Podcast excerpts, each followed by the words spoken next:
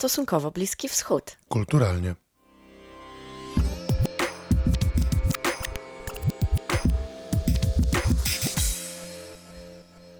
Cześć, witajcie w kolejnym odcinku Stosunkowo Bliski Wschód Kulturalnie. Z tej strony, jak zawsze, Jakub Katulski. i Dominika Zembala. I tym razem jesteśmy o tydzień wcześniej, dlatego że e, zbliża się majówka wielkimi krokami. Właściwie już jutro wieczorem zaczyna się majówka, więc uznaliśmy, że zrobimy Wam prezent i damy Wam ten odcinek wcześniej. Bo może będziecie gdzieś podróżować e, i chcielibyście sobie posłuchać czegoś e, przyjemnego w podróży samochodem, stojąc w majówkowych korkach, oby nie, e, albo po prostu spędzając gdzieś czas, oby na łonie natury i w słońcu, tego Wam życzymy. I mamy nadzieję, że będziemy Wam przy tym odpoczynku towarzyszyć. Tak, dzisiaj mamy mm, kilka książek Wam do zaproponowania. Jedna z nich to jest Masnawi Jalaluddina Rumiego. Po raz pierwszy, księga pierwsza e, w Polsce ukazała się w tłumaczeniu z oryginału. Tak, to naprawdę imponujące tomiszcze, które mamy w swoich rękach e, i niesamowite dzieło, myślę, że można wręcz powiedzieć, no, dzieło sztuki. Tak, dzieło sztuki, jedno z najważniejszych dzieł, e, jedno z najważniejszych dzieł poetyckich świata islamu, świata perskiego, świata wschodu, wielu światów właściwie. A teraz dostępne dla nas, czytelników w języku polskim. Ogrom pracy tłumacza, ogrom pracy wydawnictwa, a my mamy dla Was nie lada gratkę, dlatego że możecie się dowiedzieć co i jak, wręcz prawie że u źródła. Tak, rozmawiamy z Albertem Kwiatkowskim, który y, Masnawi tłumaczył z oryginału i rozmawiamy z Błażejem Gałkowskim, który jest redaktorem tego wydania, e, które w Polsce na rynku ukazało się nakładem wydawnictwa Imprint Media. Tak, mamy nadzieję, że ta rozmowa będzie dla Was interesująca. Mamy dla Was także fragment muzyczny, Muzyczno-poetycki. Ale to muzyczno-poetycki. na koniec po rozmowie. Dzień dobry, bardzo dziękuję, że zgodzili się panowie zagościć w naszym podcaście i porozmawiać ze mną o bardzo ważnym dziele, czyli o Masnawi Jalaluddina Rumiego. Dzień dobry. Dzień dobry. Dzień dobry, też dziękujemy bardzo za zaproszenie. I myślę, że kluczowym pytaniem na początek tej rozmowy y, jest to, kim w ogóle jest Jalaluddin Rumi, czyli no wybitny perski poeta, suficki mistyk, no którego dzieło właśnie Masnawi pan Albert y, tłumaczył i które trzymam w ręku w tym momencie. Rumi najpierw był emigrantem. On musiał opuścić swój dom, uciekał przed wojną. Potem był teologiem. Dopiero potem został mistykiem, a na końcu poetą. Ale nie możemy mówić o tym, kim był Ru- Rumi, e, nie mówiąc o tym, kim był Shams z Tabrizu. Gdyby nie spotkanie z Shamsem, Rumi byłby jednym z tysiąca teologów, o którym e, wiedzieliby tylko specjaliści. Nikt by o nim nie wiedział. E, Szams był wędrownym derwiszem, który wzbudził Rumiego, wstrząsnął nim i pod wpływem tego spotkania Rumi stał się tym, e, kim go znamy, poetą. Wcześniej on nie był poetą, wcześniej stronił od, od e, poezji, stronił od muzyki, stronił od tańca. Szams go przemienił, spotkanie z Szamsem go przemieniło. Tak e, silną postacią był ten bardzo tajemniczy, wędrowny derwisz. Mhm. I ci mężczyźni się poznali oczywiście i dzięki temu, że, że mogli się poznać, Rumi e, został no, jednym z najwybitniejszych poetów e, świata perskiego, świata muzułmańskiego, czy, czy w ogóle poetów wschodu, zgadza się? E, Tak, Rumi jest, na pewno jest najwybitniejszym poetą świata muzułmańskiego, mistycznym poetą świata muzułmańskiego. Niektórzy mówią, że jednym z najwybitniejszych w ogóle mistycznych poetów świata. Na pewno, jeśli chodzi o świat muzułmański, jest najwybitniejszy. Nie było drugiego takiego. To dlaczego Masnawi, bo mm, trzymam w ręku księgę pierwszą Masnawi, to nie jest, to nie jest całe dzieło, bo całe dzieło jest o wiele obszerniejsze, ale dlaczego to Masnawi jest tak ważnym artefaktem perskiej literatury i chyba w ogóle nie tylko perskiej literatury, ale literatury światowej? Tak, waga Masnawi jest tak wielka, że ono dawno temu już zostało nazwane perskim Koranem. jest najważniejszym mistycznym tekstem e, muzułma, muzułmańskim, jest e, mm, no przede wszystkim, znaczy Masnawit jest to rodzaj wiersza. To nie jest tak, że mamy jedno Masnawi. Jest wiele Masnawi e, mistycznych. Masnawi pisali poprzednicy Rumiego i ci, którzy przyszli po nim. Z tym, że to Masnawi, które on napisał, każde z, każde z tych Masnawi mistycznych jest takim podręcznikiem. Podręcznikiem mówiąc bardzo, e, bardzo prostym językiem, podręcznikiem e, e, tego, jak zostać, jak, jak zostać lepszym człowiekiem. I Masnawi jest takim najpełniejszym, najdokładniejszym, gdzie instrukcje są naj, naj, najdokładniejsze, takim najdokładniejszym podręcznikiem tego. Jak wiele lat Rumi pracował nad tym, żeby, żeby to dzieło przygotować? Bo to jest to jest kawał pracy, to jest bardzo obszerne. To ten nasz pierwszy tom, o którym tutaj rozmawiamy, no z przypisami to jest 600 stron. I czy to jest dzieło życia Rumiego, które zajęło mu większą część e, jego egzystencji, czy, czy też tylko jest, e, możemy powiedzieć o jakimś etapie, w którym tworzenie Masnawi się zamknęło? E, to jest w ogóle cieka ciekawe, ponieważ Rumi nie pisał do 40 któregoś roku życia. On nie pisał poezji, on się tym nie zajmował. Zaczął pisać pod wpływem Szamsa, pod wpływem właściwie, znaczy rozstanie z Szamsem, rozstanie fizyczne z Szamsem sprawiło, że stał się poetą. I on nie napisał tylko Masnawi. On napisał również obszerniejszy dywan, znaczy, czyli zbiór poezji, który liczy sobie ponad 3000 długich wierszy, prawie 3000 krótkich wierszy i objętościowo on jest e, większy niż sześć ksiąg Masnawi. Więc on te wszystkie rzeczy, te dwie, te dwie rzeczy, zbiór swojej poezji i Masnawi napisał w, e, w, na przestrzeni 30 lat. I to jest ewenement, ponieważ ponieważ tego jest bardzo dużo. Masnawi to jest 26 tysięcy podwójnych wersów. E, jego zbiór poezji liczy więcej, niecałe 30 tysięcy podwójnych wersów, więc możemy, możemy założyć, że, jest, że mamy 60 tysięcy podwójnych wersów napisanych w ciągu 30 lat życia. I to nie są wersy, to są wersy, e, e, którymi rządzi metrum. Każdy wers Masnawi ma to samo metrum czyli e, odpowiednią, tę samą sekwencję e, długich i krótkich e, sylab. Więc to jest wielka sztuka napisać tekst krótki, który nie tylko miałby rymy, nie tylko byłby płynny, ale i to nie byłyby rymy częstochowskie, takie bardzo proste, łopatologiczne, ale też byłby podporządkowany metrum. I tego, jak my czytamy Masnawi w oryginale, my tego właściwie nie czujemy. To jest bardzo płynne. Więc więc e, przed Masnawi, przed Masnawi był, e, był zaczął, znaczy zanim, zanim Rumi zaczął pisać Masnawi, zaczęła z niego płynąć ta poezja, która zawiera się w dywanie, w zbiorze jego, jego poezji. Dopiero potem, pod wpływem swojego przyjaciela, ucznia, e, pod wpływem kogoś, kto zastąpił Szamsa, który zniknął z jego życia, e, Rumi e, wziął się za Masnawi. Ów uczeń prosił go o to, aby napisał podręcznik dla nich, ponieważ tamten napisał, tamten mistyk napisał podręcznik dla swoich uczniów, tamten również napisał podręcznik, a my, panie, takiego podręcznika nie mamy. I na prośbę owego ucznia, Hosamoddina Czelebiego, który był no, też Dzięki niemu mamy Masnawi. Dzięki niemu, bo Rumi pewnie o tym nie myślał. Dzięki niemu, dzięki temu uczniowi mamy, mamy Masnawi. Pod jego wpływem e, Rumi e, wziął się e, do pracy i też ta poezja z niego płynęła i Masnawi to nie jest, to nie jest dzieło skończone. Szósta księga kończy się opowieścią, która, opowieścią, która jest w połowie urwana. Więc tak, więc trzeba, e, myśląc o Masnawi, trzeba myśleć też o zbiorze poezji Rumiego i o tym, że to jest bardzo duże i pisane, e, e, podporządkowane metrum. Jeżeli mówimy o twórcy takim jak Rumi, który, tak jak pan tutaj zauważył, stworzył bardzo wiele wierszy, mówimy tutaj o Masnawi i o innych dziełach, to dlaczego on jest tak mało znany w Polsce albo w ogóle na Zachodzie?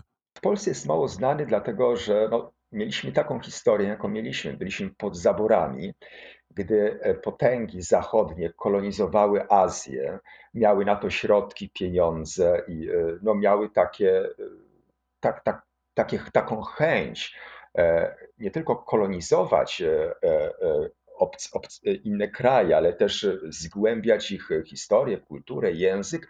My walczyliśmy o, niepodległość, nas zajmowały zupełnie inne rzeczy. To stąd e, nasza orientalistyka e, jest e, no, w porównaniu z tym, co się na Zachodzie dzieje, jest, no, stoi, no, no jest w powijakach, można powiedzieć. Na Zachodzie rum jest dużo, więc z tego powodu na Zachodzie jest rum dużo lepiej znany ale też Rumi jest znany głównie ze swoich wierszy.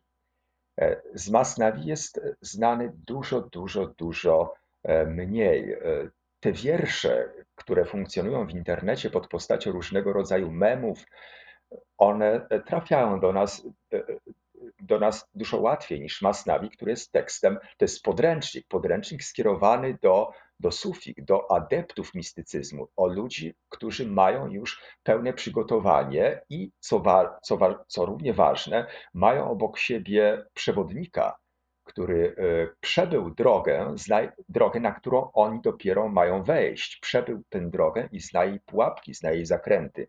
To z tego powodu, ponieważ Masnawi jest tekstem bardziej technicznym no, Masnawi, czy, czy może nie tyle Masnawi, co, co twórczość Rumiego, ma też okazję do nas trafiać e, za pośrednictwem innych twórców, bo rzeczywiście pojawia się e, czasami w powieściach, na przykład w powieściach Elif Szafak, tureckiej pisarki, e, pojawiają się fragmenty wierszy Rumiego i może to jest okazja, tak też dzięki, dzięki Pana pracy, żeby polski czytelnik coraz lepiej poznawał tę perską literaturę. Mm, ale panie Błażeju, y, ile lat trwały prace nad tym, żebym ja w tym momencie mógł trzymać to pięknie wydane, zielone wydanie pierwszej księgi Masnawi? No w sumie do tej, do tej chwili ponad 7 lat z drobnymi przerwami, natomiast e, myślę, że w tym nazbierałoby się przynajmniej z 5 lat pracy Alberta, takiej intensywnej intensywnej pracy przy przekładzie i przy opracowaniu komentarza też, czy przypisów do tej książki, które mają 10 arkuszy wydawniczych, czyli, czyli komentarz, który Albert zebrał, jest e, wielkości przyzwoitej powieści. No jest to rzeczywiście obszerna, yy, obszerna twórczość. Yy, dlaczego wydawnictwo Imprint Media zdecydowało się na to, żeby, żeby to Masnawi yy, przekazać polskiemu czytelnikowi? No właśnie. Mi się wydaje, że, że to nie jest do końca tak, że Rumi jest tak całkowicie nieznany w Polsce. Mi się wydaje, że jak na XIII-wiecznego e, poetę, to jest e, to przynajmniej większość wykształconych ludzi o nim słyszała. Teraz o ilu XIII-wiecznych e, czy średniowiecznych poetach z odległych krain słyszeliśmy, il, ile takich e, nazwisk czy imion jesteśmy w stanie wy wymienić. E, ten Rumi najczęściej, ten Rumi, który nam jest znany, to bardzo często nie jest Rumi. E, wiele osób jest w stanie zacytować takie słodkie, słodkie, mistyczne cytaty typu włóż mnie do szkatułki, nazwij mnie, a ta szkatułka będzie twoim grobem, czy zaszufladkuj mnie, a ta szufladka będzie twoim grobem. E, to akurat jest Deepak Chopra. E, nie wiem, czy Rumi coś takiego kiedyś napisał. Jest bardzo wiele mm, fragmentów Rumiego, które gdzieś tam funkcjonują, nawet w popkulturze, w tekstach e, znanych piosenek popowych czy rockowych. Natomiast bardzo często to są takie mm, taki, to jest taki rumi, jakiego byśmy chcieli usłyszeć. To jest taki uniwersalny głos, który nam gdzieś pasuje do, do jakiegoś takiego ogólnego New Age. Natomiast mm, ten, ten rumi, rumi jest o wiele głębszy. Jest to, sięga o wiele głębiej. Jest cała ta płaszczyzna e, wytężonej pracy nad sobą, o której mówił Albert. Pracy nad, nad, nad uszlachetnianiem się jako człowieka i mm, my się spotkaliśmy gdzieś jako, e, jako wydawcy z tym, e, z mistycyzmem muzułmańskim, w ogóle z sufizmem. I, I on jest przepiękny. On jest bardzo bliski tego, co możemy też rozpoznać jako takie serce naszej własnej kultury, jako serce mistycyzmu chrześcijańskiego, który, który mówi o, o pracy nad sobą, o rozpuszczeniu się w Bogu, o, o relacji z Bogiem, która nie jest relacją e, karzącego ojca z niegrzecznym dzieckiem, tylko jest relacją miłosną. Więc to są takie aspekty, które nas, e, nas jakoś, e, czy mnie jako wydawcę, rozpaliły do, do, do, do sufickiej poezji w ogóle. Mm, no i do tego, żeby trwać w tej, w tej pracy i, i przybliżyć tego Rumiego takim, jaki on jest, e, jaki on jest naprawdę. Nie zawsze taki super miękki, fajny i słodki, jakbyśmy go chcieli słyszeć. Natomiast jest to teraz, e, jest to Rumi prawdziwy, czyli jest to, jest to solidny, niezwykle rzetelnie opracowany przekład do tego wszystkiego z, z dużą ilością właśnie komentarzy i przypisów, zupełnie inny niż, e, niż go będziemy słyszeć od, od, e, od różnych takich piewców New Age. Myślę, że kluczowym teraz pytaniem jest e, też, jaka była Pana rola w tworzeniu tej książki, bo Pan jest redaktorem i wydawcą tego, tego dzieła. E, na czym polegała ta praca i w czym Pan wspierał Pana Alberta e, właśnie w tłumaczeniu tego Masnawi? Albert, w czym Cię wspierałem w tłumaczeniu? To była długa praca. Długa praca z różnymi problemami. Szukałem motywacji różnego rodzaju e, w sobie, poza sobą. E, pamiętam takie e, podczas jakiejś tam rozmowy, już nie pamiętam gdzie to było, u Błażeja i Moniki, chyba w Koszalinie. Siedzieliśmy w nocy i Błażej powiedział mi, że gdyby miał wydać jedną książkę w życiu, tylko jedną, to chciałbym, żeby to było Masnawi w Twoim przekładzie. I ta myśl jakoś towarzyszyła mi do końca pracy, e, do końca pracy nad tekstem. Bardzo motywująca, że jest ktoś, dla kogo ten tekst jest tak ważny, bo to bardzo ważne. Znaczy, ja wiem, że e, to jest tekst dla różnych osób ważny, że może być e, dla różnych osób ważny, ale to, to nie jest częste, gdy wydawca Twojej książki jest właśnie taką osobą. I ty to widzisz że to jest naprawdę, tu nie ma żadnej ściemy, tu nie ma żadnego oszukiwania. To jest tekst naprawdę ważny dla kogoś. E, no więc to jest tak, te jego słowa, e, słowa Błażeja jakoś tak towarzyszyły mi do końca. I w takich momentach, gdzie już chciałem rzucić, to, to tak, to, to sobie o nich pamiętałem. Tak, no to była naprawdę długa droga Alberta, bo to ja myślę, że większość osób nawet nie potrafi sobie wyobrazić tego, a czym jest praca nad takim tekstem. Tekstem, który jest E, tak naładowany znaczeniami, że tłumacz chodzi czasami kilka dni, żeby znaleźć sposób na rozwikłanie jednego wersu, gdzie trzeba sięgnąć do masy źródeł, żeby to najpierw zrozumieć, najpierw rozpakować te wszystkie znaczenia, które w tych wersach są, a potem znowu spakować je w dosyć rygorystyczną formę, którą, którą tutaj tłumacz wybrał bo to, to jest zupełnie co innego, jeżeli by to było tłumaczone prozą i można z takiego wersu zrobić akapit. Natomiast e, to była taka praca no, wielokrotnie dla Alberta naprawdę bardzo trudna i, i taka, że, że już miał dość. Miał dość mnie, miał dość Masnawi, miał dość tego wszystkiego, miał dość Turków, którzy, którzy obiecali jakieś pieniądze i, i, i też nie do końca chcieli zrozumieć, że, że to trwa, że, że to jest długi proces. I mi się wydaje, że moja rola to była przede wszystkim taka, żeby też po prostu wytrwać w tym, a wytrwać, e, też szukać przez cały czas funduszy na to, bo to, to, to naprawdę było kosztowne wydanie. E, kosztowne wydanie, kosztowna praca. A do tego takim najfajniejszym, najfajniejszym elementem tego wszystkiego to było to, że siedzieliśmy często po nocach, czasem, e, czasem fizycznie, a czasem e, rozmawiając przez telefon i czytaliśmy to. Czytaliśmy to wielokrotnie i zastanawialiśmy się nad każdym wersem, który był niejasny. E, ja się przyczepiałem do różnych rzeczy, czasem się kłóciliśmy, czasem szukaliśmy razem jakichś rozwiązań i ten tekst, ten tekst jest naprawdę bardzo dopracowany. To jest też, to można powiedzieć, to nie jest pierwsza, nie jest pierwsza jego wersja, bo jeszcze po drodze były takie, takie wydania robocze, gdzie w małych książeczkach się ukazały fragmenty tego, co teraz nam się udało wydać. Mm, więc to była, to była taka fajna, długa, wspólna praca też nad odkrywaniem tych znaczeń, nad, nad zastanawianiem się, do czego są potrzebne przypisy, nad, e, nad tym, żeby tego Rumiego jak najbardziej rozpakować dla, także dla osób dociekliwych, które chcą głębiej w to wejść. No właśnie, mówimy o tym, że to jest tytaniczna praca. I bardzo ważny aspekt jest taki, że to rzeczywiście jest tłumaczenie wierszem. Pan słusznie zauważył, że, że gdyby było tłumaczenie prozą, to można by rozbudowywać wersy do całych akapitów. I panie Albercie, czy udało się panu oddać to metrum, o którym pan już wcześniej wspomniał, w każdym wersie tej, tej pracy nad tłumaczeniem Masnawi?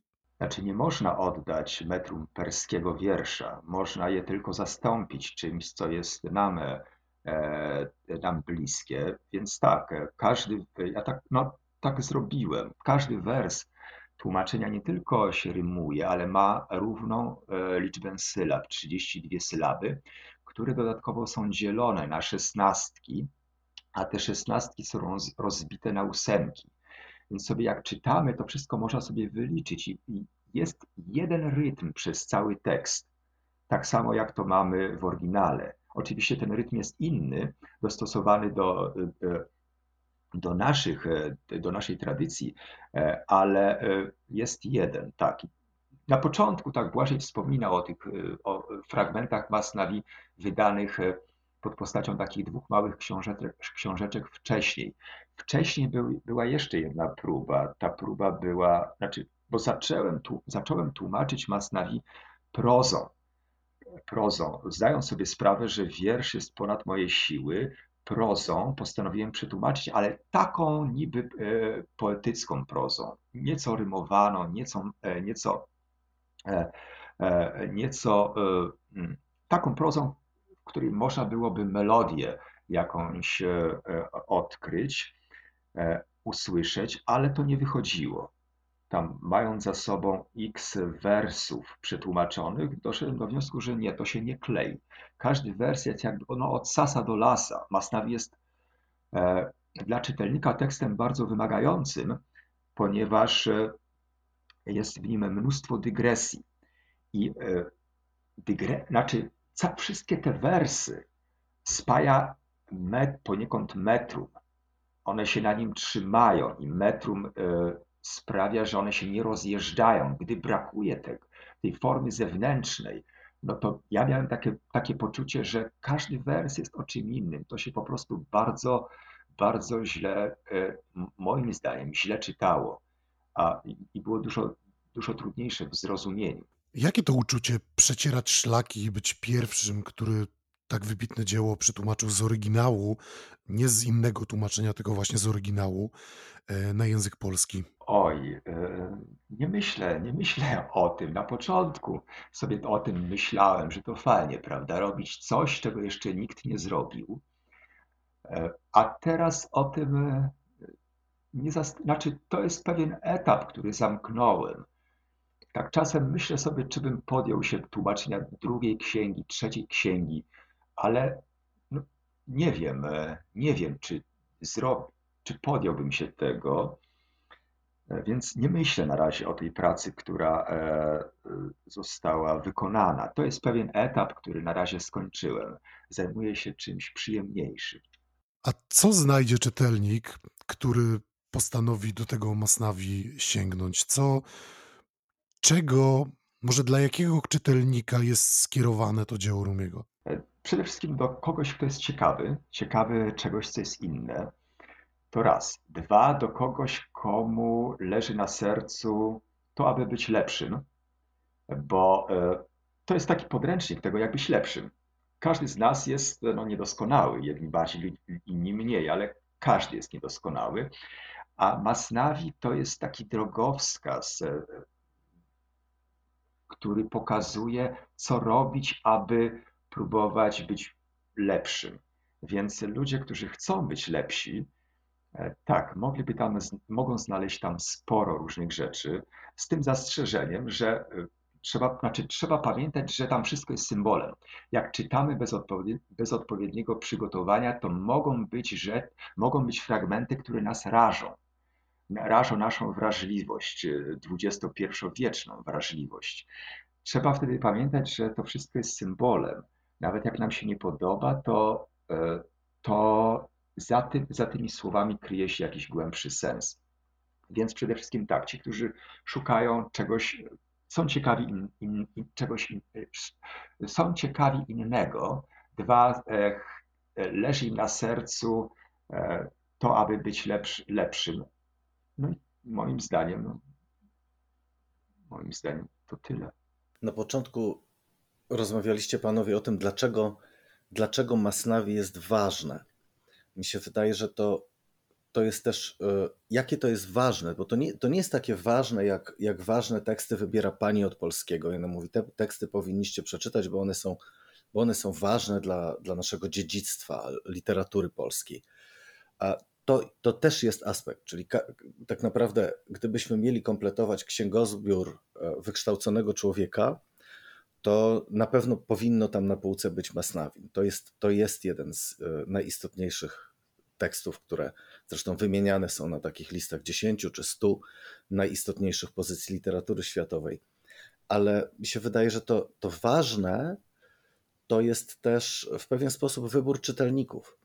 A jakoś tak się zdarzyło, że w XX i XXI wieku duża część świata zachodniego zachwyca się Rumim, poszukuje tego Rumiego, ma go, y, jakby ciągle jest tego Rumiego mało.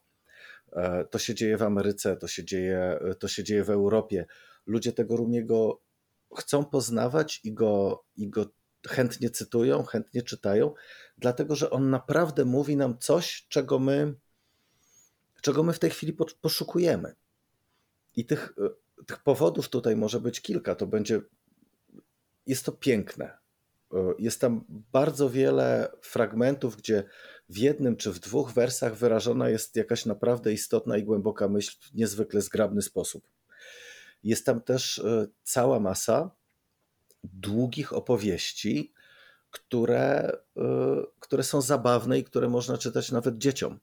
Potem Rumi oczywiście przechodzi w kolejnej części natychmiast do bardzo E, zawiłego niekiedy tłumaczenia i wyjaśniania tego, e, która z postaci co symbolizuje i Rumi przerywa jakby sam sobie. On opowiada opowieść, po czym przerywa.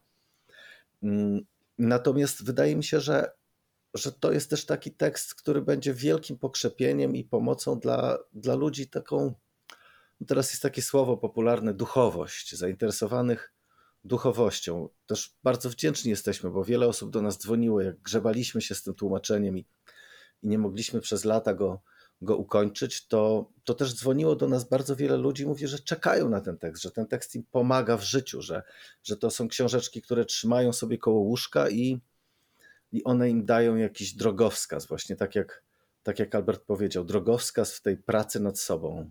Czy mają panowie ulubione fragmenty, którymi mogą się panowie podzielić? Tak. Ja przyznam się, że nie mam książki przy sobie, ale e, jest kilka historii, które, które bardziej do mnie trafiają niż e, inne.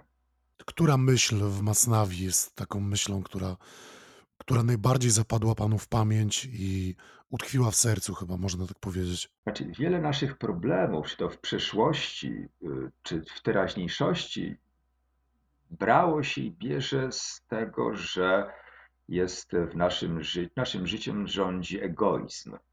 Jesteśmy egoistami. I e, Masnaw jest takim podręcznikiem, jak walczyć z tym ego jak e, próbować je okiełznać, aby to nie ono nami władało, ale abyśmy je wykorzystywali do rzeczy, do rzeczy e, słusznych, dobrych. E, jest taka historia, znaczy wiele z tych historii mówi o tej takiej walce, z, o tym, aby się pozbyć egoizmu. Jest taka historia o krótka o mężczyźnie, który kochał kobietę, poszedł do jej domu, zapukał, zapytała, kto to. Odpowiedział ja. Wtedy usłyszał: Odejdź stąd, ja nie znam żadnego ja. No i on się załamał, ruszył w podróż, wędrował długo, rok.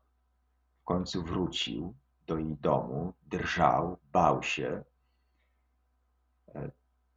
tego ponownego, tej ponownej rozmowy. Stanął przed, jej, przed drzwiami jej domu, zapukał znów, serce mu kołatało.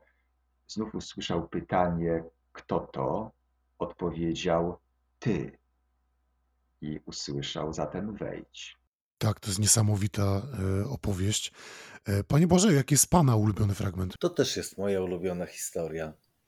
To też jest jeden z fragmentów, który bardzo do mnie, do mnie przemawia. Jeden z fragmentów, gdzie przejawia się to przesłanie o tym, żeby stawać się mniejszym. O tym, że nasz rozwój to też jest modne słowo w dzisiejszych czasach samorozwój. Że ten samorozwój nie jest nieustannym dodawaniem czegoś do siebie, tylko że jakąś drogą do wewnętrznego spokoju, do szczęścia, do, do spełnienia, które jest naprawdę głęboko odczuwalne, jest e, malenie, znikanie. Rumi tutaj, tak jak i Sufi, używa takiego słowa fana, samounicestwienie. W mistycyzmie chrześcijańskim e, nazywa się to endurą, maleniem, znikaniem.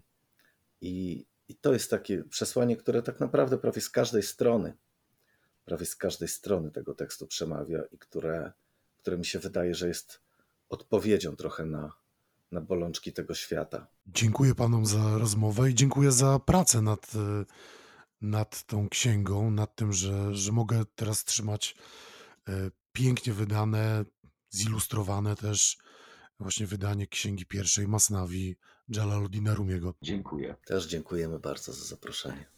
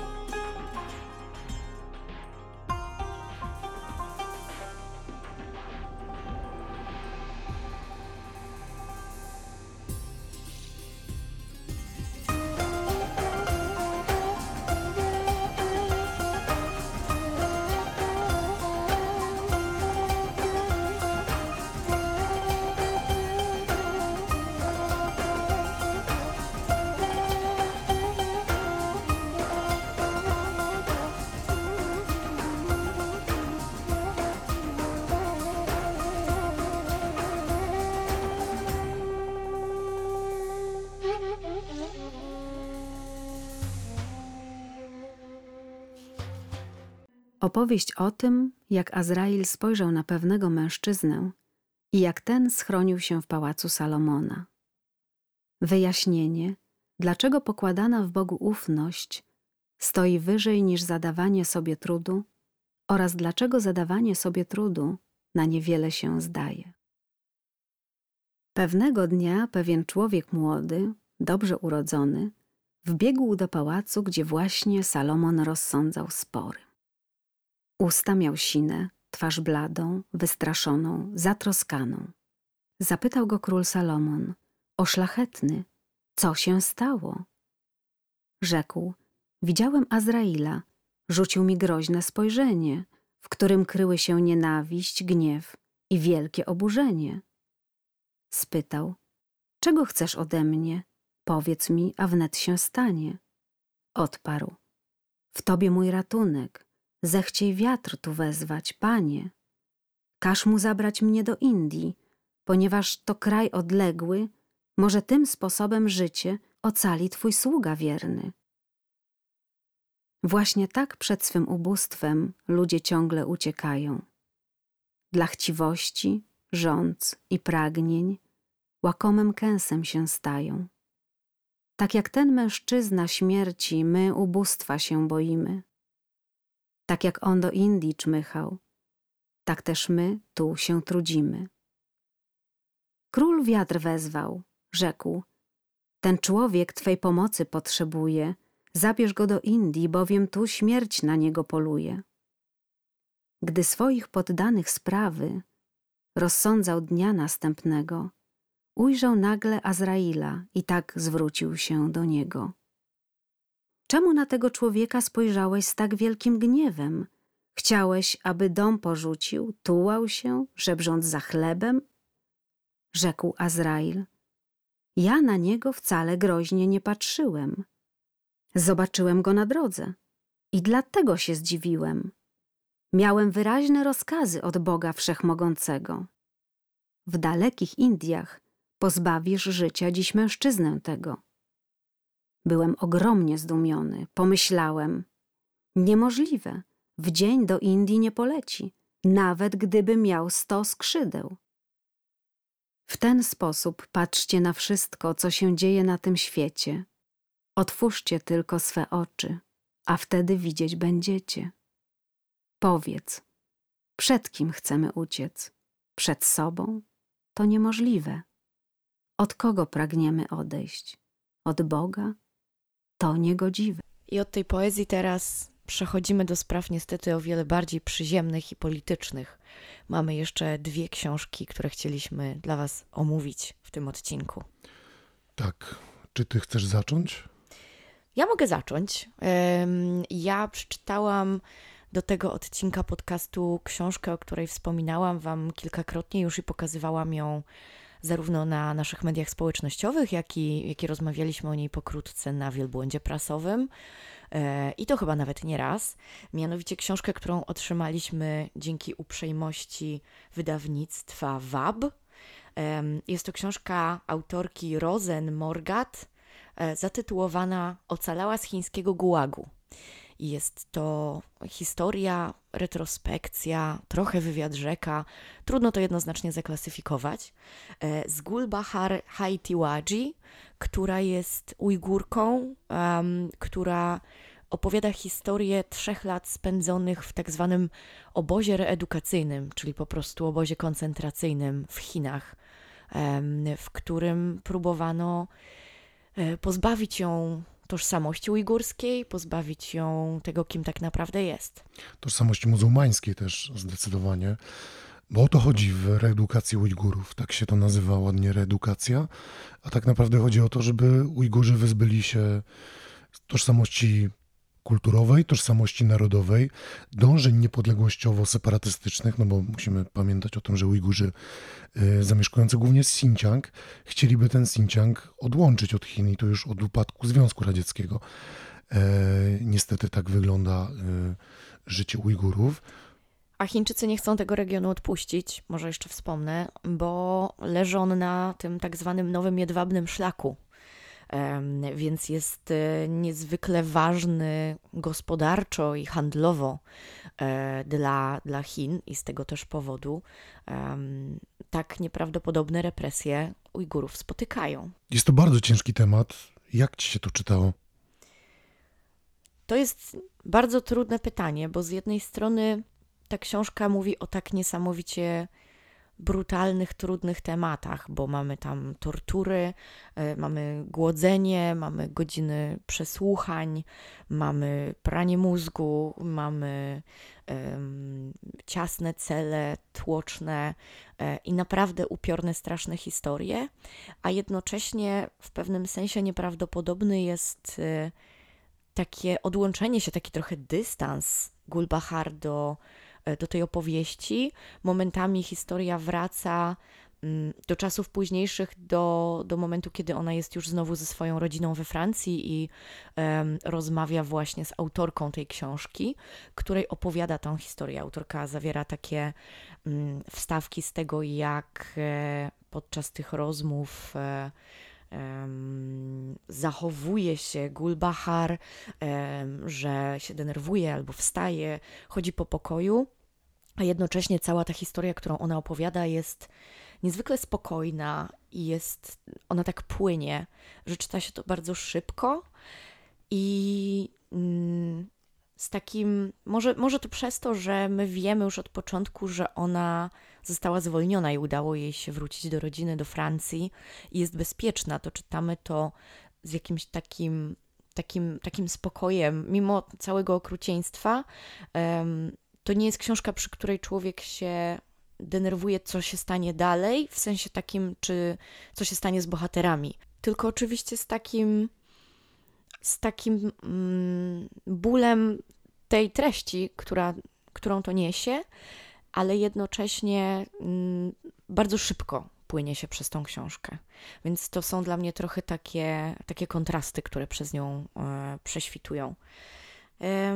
Na pewno jest to nieprawdopodobny i taki przerażający portret tak, tych współczesnych Chin. I chyba takie najbardziej mm, ciężkie wrażenie, jakie na mnie, jakie na mnie wywarła ta lektura, to to, że Jednocześnie na co dzień w mediach oglądamy zbrodnie popełniane w Ukrainie, zbrodnie popełniane przez Putina, przez rosyjskich żołnierzy i słuchamy o sankcjach, o odwróceniu się świata od Rosji, o braku jakiejkolwiek współpracy, albo przynajmniej o wielkim ostracyzmie, który spotyka tych, którzy wciąż z Rosją chcą współpracować. E, a tymczasem mm, otaczają nas chińskie produkty na każdym kroku i z Chinami takiego problemu moralnego jakoś świat nie ma, pomimo że obozy koncentracyjne zawsze są obozami koncentracyjnymi, ludobójstwo zawsze jest ludobójstwem. Czy masz jakiś zarzut do tej książki? Chyba tylko jeden. I to jest taki w miarę standardowy chyba nasz zarzut do, do lektur i, i nie tylko książek. Mianowicie bardzo żałuję, że jest niespójna transliteracja. Jest raz polska, raz angielska? Tak, bo na przykład e, nazwy geograficzne, może też dlatego, że są trochę bardziej um, obeznane już dla polskiego czytelnika, jak na przykład Xinjiang, są pisane po polsku, ale tym samym imię i nazwisko um, głównej bohaterki mamy trans transkrypcją angielską, bo mamy napisane Haiti Wai, co powinniśmy przeczytać Haiti Waji, um, więc to jest takie trochę irytujące, bo można by przecież trzymać się języka polskiego. Zawsze byłoby łatwiej e, te egzotyczne nazwy i, i imiona i nazwiska e, z większym spokojem ducha czytać, po prostu mając pewność, że czytam to poprawnie. To jest bardzo trudny temat, ale muszę się o to zapytać. Ile dasz granatów? Jak oceniam tę książkę? Mm, myślę, że to jest bardzo trudny temat. Myślę, że dałabym jej 3 na 5 ale chyba po prostu z takiej, z takiego osobistego poczucia, że mm, nie wiem, trudno jest mi powiedzieć, żebym, że, że ta książka mi się podobała albo nie podobała. Trudno jest mówić o jakichś sympatiach. Jest to bardzo trudna lektura, jest to trudny temat, um, jest to brutalne i no, trudno jest jakby pałać do tego jakąkolwiek formą sympatii. Jest to ciekawie napisane i, i czyta się to bardzo sprawnie, ale. Um, nie jest to coś, co robi się dla przyjemności, to jest coś, co bardziej się robi dla edukacji. Może dlatego mm, no, czuję, że to nie jest coś, co, do czego będę wracać, czy się gdzieś tam rozsmakowywać e, w, w książce, ale nie, niezmiennie polecam wszystkim zainteresowanym tematem. Ja też mam książkę, z której można się czegoś nauczyć. Jest to książka zdecydowanie przeznaczona do edukacji a mianowicie są to Talibowie, Przekleństwo czy Nadzieja Afganistanu, autorstwa doktora Piotra Łukasiewicza, ostatniego ambasadora polskiego w Afganistanie, w Kabulu, który też bywa czasami w naszym podcaście. Tak, i na naszych live'ach myślę, że naszym stałym słuchaczom powinien być już znany. Jest to bardzo interesująca książka, bo ona nie jest, e, nie jest naukowa, nie jest e, napisana trudnym językiem, zasypana e, przypisami, e, bibliografią, odniesieniami do innych dzieł, tylko jest to opowieść. Jest to opowieść, którą dr Łukasiewicz napisał, odnosząc się raz, że do swojej wiedzy historycznej, a dwa, do mm, swoich własnych doświadczeń z czasu urzędowania w Kabulu. On opowiada o tym, jak spotykał się z talibami, spotykał się z mujahidami e, i poznawał ten Afganistan z ich ust, poznawał ten e, Afganistan bezpośrednio od Afgańczyków. Książka ma pewien cel, ona chce odpowiedzieć na pytania. Po pierwsze, czy talibowie są rzeczywiście przekleństwem, czy nadzieją Afganistanu? Po drugie, czy talibowie musieli powstać jako ruch, czy ten ruch był konieczny w Afganistanie, jak ten ruch powstawał, jak przejął władzę, no i ostatecznie jak historia się składała po to, żebyśmy my, obserwując wydarzenia, to co obserwowaliśmy w zeszłym roku w sierpniu, e, no doświadczyli tego, że ci talibowie obalili dwudziestoletni zachodni projekt e, próby zliberalizowania Afganistanu, czy uczynienia go może chociaż jakąś autorytarnym, jakimś autorytarnym tworem, który byłby e, przychylny Zachodowi. No okazało się, że ten Afganistan jak najbardziej stanie się autorytarny, ale czy będzie przychylny Zachodowi, tego nie wiemy. E, natomiast dr Łukasiewicz cofa się w swojej książce o parę dekad, opowiadając opowiadając historię XX, XX wieku w Afganistanie, opowiadając przede wszystkim na początku o tym, jak to mm, w Afganistanie toczyła się wojna z komunistami, no bo komuniści przejęli władzę przy wsparciu Związku Radzieckiego, no i nagle się okazało, że Zachód postanowił finansować mujahidów albo mujahedinów, jak to czasami się ich określa, e, po to, żeby ten komunizm obalić w Afganistanie. No i z tego e, wyrosły nam rozmaite ruchy, które kiedy upadł komunizm afgański, zaczęły toczyć ze sobą wojnę domową. I tę wojnę domową brutalną, krwawą, która o wiele bardziej zniszczyła kraj niż 10 lat wojny mujahidów z komunistami.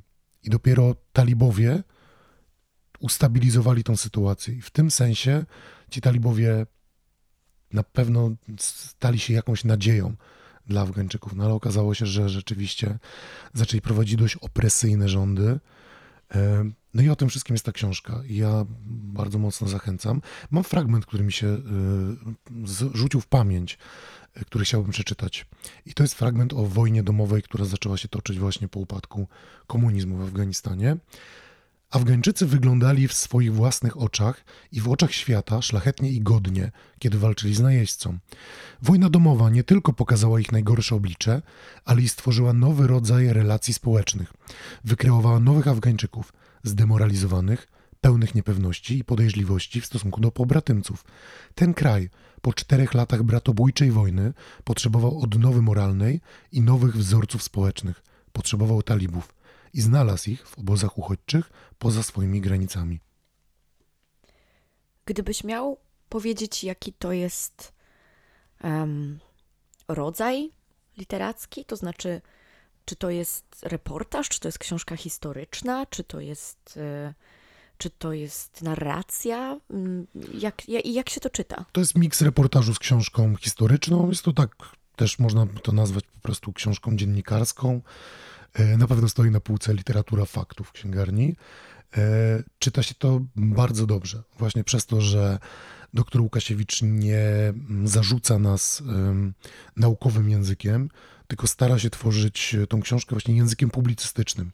Publicystyka ma to do siebie, że próbuje mm, mówić o trudnych sprawach w prosty sposób i ta książka właśnie to robi i wydaje mi się, że ona robi to bardzo dobrze. E, niestety mam parę zarzutów e, merytorycznych. Uuu, tak, słuchamy. Na pewno mam jeden zarzut, który mi się rzucił w oczy w pewnym momencie, gdzie doktor Łukasiewicz nazywa Hezbollah organizacją palestyńską. Uuu, no to rzeczywiście. Mm, wydaje mi się, minus, minus trójka na szynach. Wydaje mi się, że jest to niedopatrzenie po prostu. Mam taką nadzieję w każdym razie. E, ale transliteracja jest polska, więc chwała za transliterację. A jakie jeszcze masz zarzuty? Bo mówiłeś, że jest ich kilka? Parę innych, ale już nie pamiętam, tak nie, w tym momencie sobie ich nie wyciągnę z pamięci. Ten Hezbollah mi się rzucił najbardziej w pamięć. No tak. Ogólna ocena? Polecasz, nie polecasz? Polecam, polecam. Cztery granaty na pięć. Uważam, że każdy, kto chce się dowiedzieć czegoś o Afganistanie, w tej książce znajdzie dla siebie dużo informacji. No, podejrzewam, że eksperci, którzy zjedli zęby na Afganistanie, mogą nie znaleźć tu nic nowego, no bo wiadomo, że są też ludzie, którzy całe życie zajmują się badaniem Afganistanu, badaniem talibów, no to dla nich raczej ta książka nie będzie niczym odkrywczym.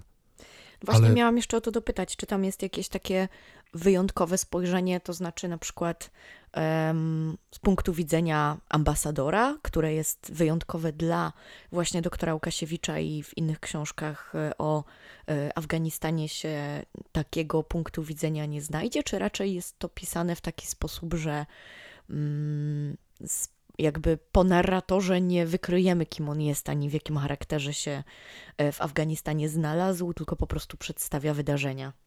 Ostatecznie książka bardzo stara się być obiektywna e, i nie przedstawiać talibów ani w zbyt dobrym świetle, ani w zbyt negatywnym świetle. I to jest, e, to jest zdecydowany plus, no bo często popadamy w takie pułapki, e, że myślimy sobie o tych talibach tylko i wyłącznie z perspektywy brutalnych rządów i represjonowania kobiet i zupełnie pomijamy ten aspekt stabilizacyjny, który talibowie przynoszą. E, no ale z drugiej strony też są takie opinie, że talibowie przynoszą właśnie stabilizację, więc e, są jedynie pozytywnym biegunem polityki afgańskiej.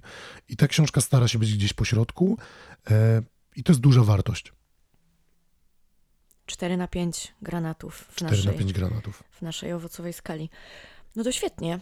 To y, mamy nadzieję, że zainteresowaliśmy Was tymi w sumie trzema książkami, o których w tym odcinku było.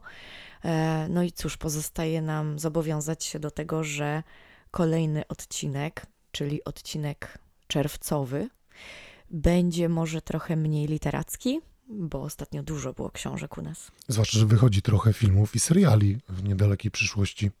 To prawda, ja bardzo się już nastawiam. Nie będę jeszcze na razie nic mówić, ale, ale e, zacieram ręce tak. No, nie pozostaje nam nic innego, jak powiedzieć Wam do usłyszenia jutro, bo jutro wychodzi przed majówką nasz tradycyjny odcinek podcastu. Zamiast w poniedziałek postanowiliśmy go też wydać wcześniej, po to, żebyście w weekend majowy mogli nas więcej posłuchać. Do usłyszenia. Do usłyszenia.